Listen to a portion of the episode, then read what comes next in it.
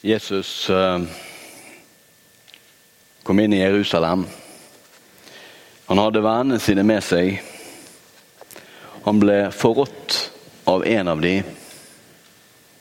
Han ble tatt til fange. Han skulle pines. Han skulle korsfestes. Og Før dette så skulle han avhøres. Og den vennen som Jesus hadde stolt mest på, kanskje, han som han hadde sagt til at deg ville bygge min kirke på. Din bekjennelse, din tro. Peter. Akkurat denne Peter, han står ved bålet om kvelden blant folk som er utenfor der som Jesus blir forhørt. Og de sier, 'ikke du en av de som følger etter Jesus'? Så nekter han på det. Han nekter tre ganger på at han kjenner Jesus, og at han vil ha med han å gjøre. Der vi nå skal inn i bibelfortellingen, så har Jesus dødd på korset. Han er blitt gravlagt. Han har stått opp igjen påskedag. Og så har han sagt til disiplene sine jeg vil gå til Galilea, og dere skal dra dit, og vi skal møtes der. Og Så skjer dette, og det står skrevet i evangeliet etter Johannes. Da de hadde holdt måltid, sier Jesus til Simon Peter. Simon, sønn til Johannes, elsker du meg mer enn disse? Ja, Herre, svarer han. Du veit at jeg har deg kjær. Jesus sier til han, fø lamma mine. Og han sier til han andre gangen, Simon, sønn til Johannes, elsker du meg? Ja, Herre, svarer Peter, du veit at jeg har deg kjær. Jesus sier til han, gjet sauene mine. Så sier han tredje gangen, Simon, sønn til Johannes, har du meg kjær? Da ble Peter sorgfull da Jesus tredje gangen spurte, har du meg kjær? Og han svarer, Herre, du veit alt, du veit at jeg har deg kjær. Jesus sier til han, fø sauene mine. Sannelig, sannelig, jeg sier deg, da du var ung, batt du sjøl belte om deg og gikk dit du ville. Men når du blir gammel, skal du rette ut hendene, og en annen skal binde beltet om deg og føre deg dit du ikke vil. Det sa han for å syne hva, hva slag død han skulle ære Gud med. Da han hadde sagt dette, sa han til Peter, følg meg. Tre ganger spør Jesus Peter, elsker du meg? Han gir Peter muligheten til å gjøre opp. Opp for de tre gangene han fornektet Jesus. Han lar Peter få komme på nytt med en bekjennelse. Jesus gjenoppretter det som er ødelagt. Og Det er noen sånne detaljer i dette som Jesus gjør, som jeg syns det er så flott. Han kaller han ikke Peter, ser dere det? Han kaller han ikke med, med det framtidsrettede. Det var jo Jesus som ga Simon navnet Peter.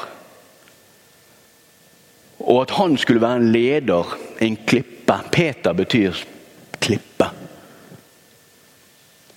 Men han kaller han konsekvent Simon, sønn av Johannes. I det Jesus spør, så, så, viser han tilbake. Tilbake til historien. Kanskje til det som peker på det som ikke er bra i livet til Peter. Det som, har, det som han har gjort av dårlige ting. Så trekker på en måte Jesus det fram. Sier han Simon, sønn av Johannes. Du med din historie, med dine feilskjær. Deg spør jeg. Elsker du meg? Og Sånn tenker jeg at Jesus òg gjør med oss. Jeg har min historie. Han vet hver eneste Han vet om hvert eneste lille mørke hull. Han vet om alle mine feilskjær. Sånn er det med deg òg. Han kjenner oss. Og det er oss han spør. Han spør ikke en eller annen helgen eller oppdiktet person som er så perfekt og fantastisk. Han spør helt vanlige mennesker. Elsker du meg? Har du meg kjær? Jeg eh, husker en gang fra ja, Jeg var 18 år gammel. Jeg var på ferie med mine foreldre til Italia. Min bror han var 20. Og På denne ferieturen så hadde min far en fletta ny bil. Helt ny. Så kommer vi til dette feriehuset. Og så er det litt styr og ordning der på eiendommen. Og min bror på 20 år, frekk og freidig, han vil parkere denne bilen. Det første han gjør, det er å rygge den inn i et tre. Og så kommer det en sånn bulk, en sånn god bulk, i bilen. Og jeg glemmer ikke det uttrykket min far hadde. Det var sånn der lamslått uh, Ja. Og min bror altså jeg er jo unnskyld. Unnskyld, det var ikke meningen. Hva kan du si da, far min? Det er greit, du er tilgitt. Og jeg tenker hvor mange ganger opplever ikke vi sånne ting med folk rundt oss? Altså, Folk gjør ting mot oss som, som de De mener ikke det, men, og så sier de unnskyld. Og så sier vi greit, jeg tilgir deg. Men ikke søren om du setter deg bak det rattet i min bil noensinne igjen!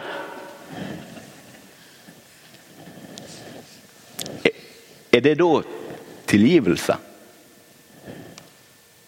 Er det det? Nei.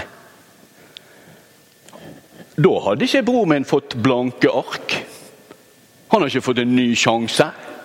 Far min har ikke glemt det han hadde gjort. Å nei, aldri om du setter deg bak rattet noensinne igjen. Og sånn tror jeg vi har utrolig lett for å gjøre alle og enhver av oss. Vi sier ja, greit, du er tilgitt, men mm. Og hva er det Jesus gjør her med Peter? Han gir han en sjanse på å gjøre opp. Og Jesus gir han nåde og tilgivelse, men på en helt annen måte enn det jeg tror jeg ville gjort. Ikke bare lar han Peter få lov å gjøre opp for seg, men så gir han Peter et oppdrag. Han sier 'fø lammene mine'. Pass på sauene mine. Ikke bare tilgivelse, men han inviterer han bak rattet du skal få lov til å kjøre bilen. Og det er helt sinnssykt. For hvem er gjeteren? Det er jo Jesus. I Johannes 10 sier Jesus 'Jeg er den gode gjeteren'. Den gode gjeteren setter livet til for sauene. Jeg er den gode gjeteren. Jeg kjenner mine, mine kjenner meg, slik far kjenner meg, og jeg kjenner far.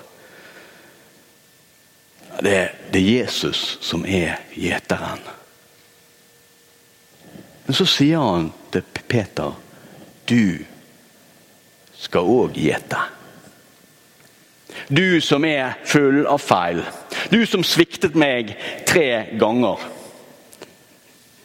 I min mørkeste og tyngste tid så sviktet du meg. Du skal få lov til å gjete. Du skal få lov til å lede. Du skal få lov til å gi mat.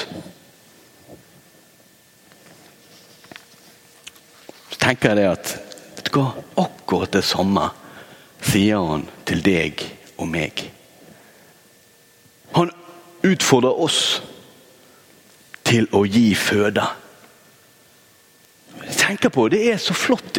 Og så kan du si ja, men eh, jeg er ikke prest.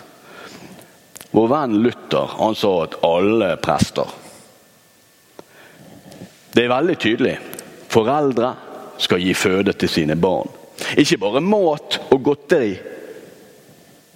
men òg åndelig føde. Vi som venner skal kunne gi føde til hverandre. Ikke bare mat og vin og godt lag, men òg åndelig føde. Ja, men jeg er ikke prest. Vel, jeg syns eksempelet med Velledalskoret i dag er på prikken. Gir ikke dere oss føde? Jo. Åndelig føde. Kanskje mer enn hva jeg klarer. Gjennom musikken så gir dere oss åndelig føde. Jeg begravde en flott dame på fredag. Hun ga åndelig føde. Hun ga hilsener. Hun fikk hilsener med ord. Ord fra Bibelen. Til styrke, til trøst. Det kan vi jo gi. Ingenting som hindrer oss. Kanskje bare motet. Jeg er vel kanskje ikke rette person til å gjøre det. Og jeg tror det. At Jesus peker ikke på noen andre enn oss. Og han peker på alle andre enn oss. Han peker på deg, han peker på meg. Våre liv, med våre feil, med våre utfordringer, med våre mangler. Så spør han elsker du meg. Ja, jeg er egentlig takknemlig for det du har gjort for meg, Jesus. Ja, da skal du få lov til å gi det videre. Med ditt liv, med dine mangler. Jesus sa til deg Fred være med dykk. Som far har sendt meg, sender jeg dykk. Han elsker dere. Han elsker dere. Og han har tillit til dere. At det du har å dele, det kan du få lov til å dele. Om det er gjennom sang, om det er gjennom bønn, om det er gjennom små gudsord, om det gjennom hva det måtte være. Han sender oss. Han gir oss oppdrag. Og vi skal få lov til å gå. Vi skal få lov til å gå i lyset av oppstandelsen. Ikke på egne krefter, men vel vitende om at han er med oss, han som beseiret døden. Og det er krefter, og det er makter som ikke kan holde Ingen kan klare å matche. Og vi skal få ta det med oss gjennom sangen vår, gjennom ordene våre, gjennom det vi gjør i livene våre. Gud velsigne deg og din tjeneste der du er. Vi får lov å tjene i lys av troen vår. La oss nå reise oss og vedkjenne oss vår hellige tru.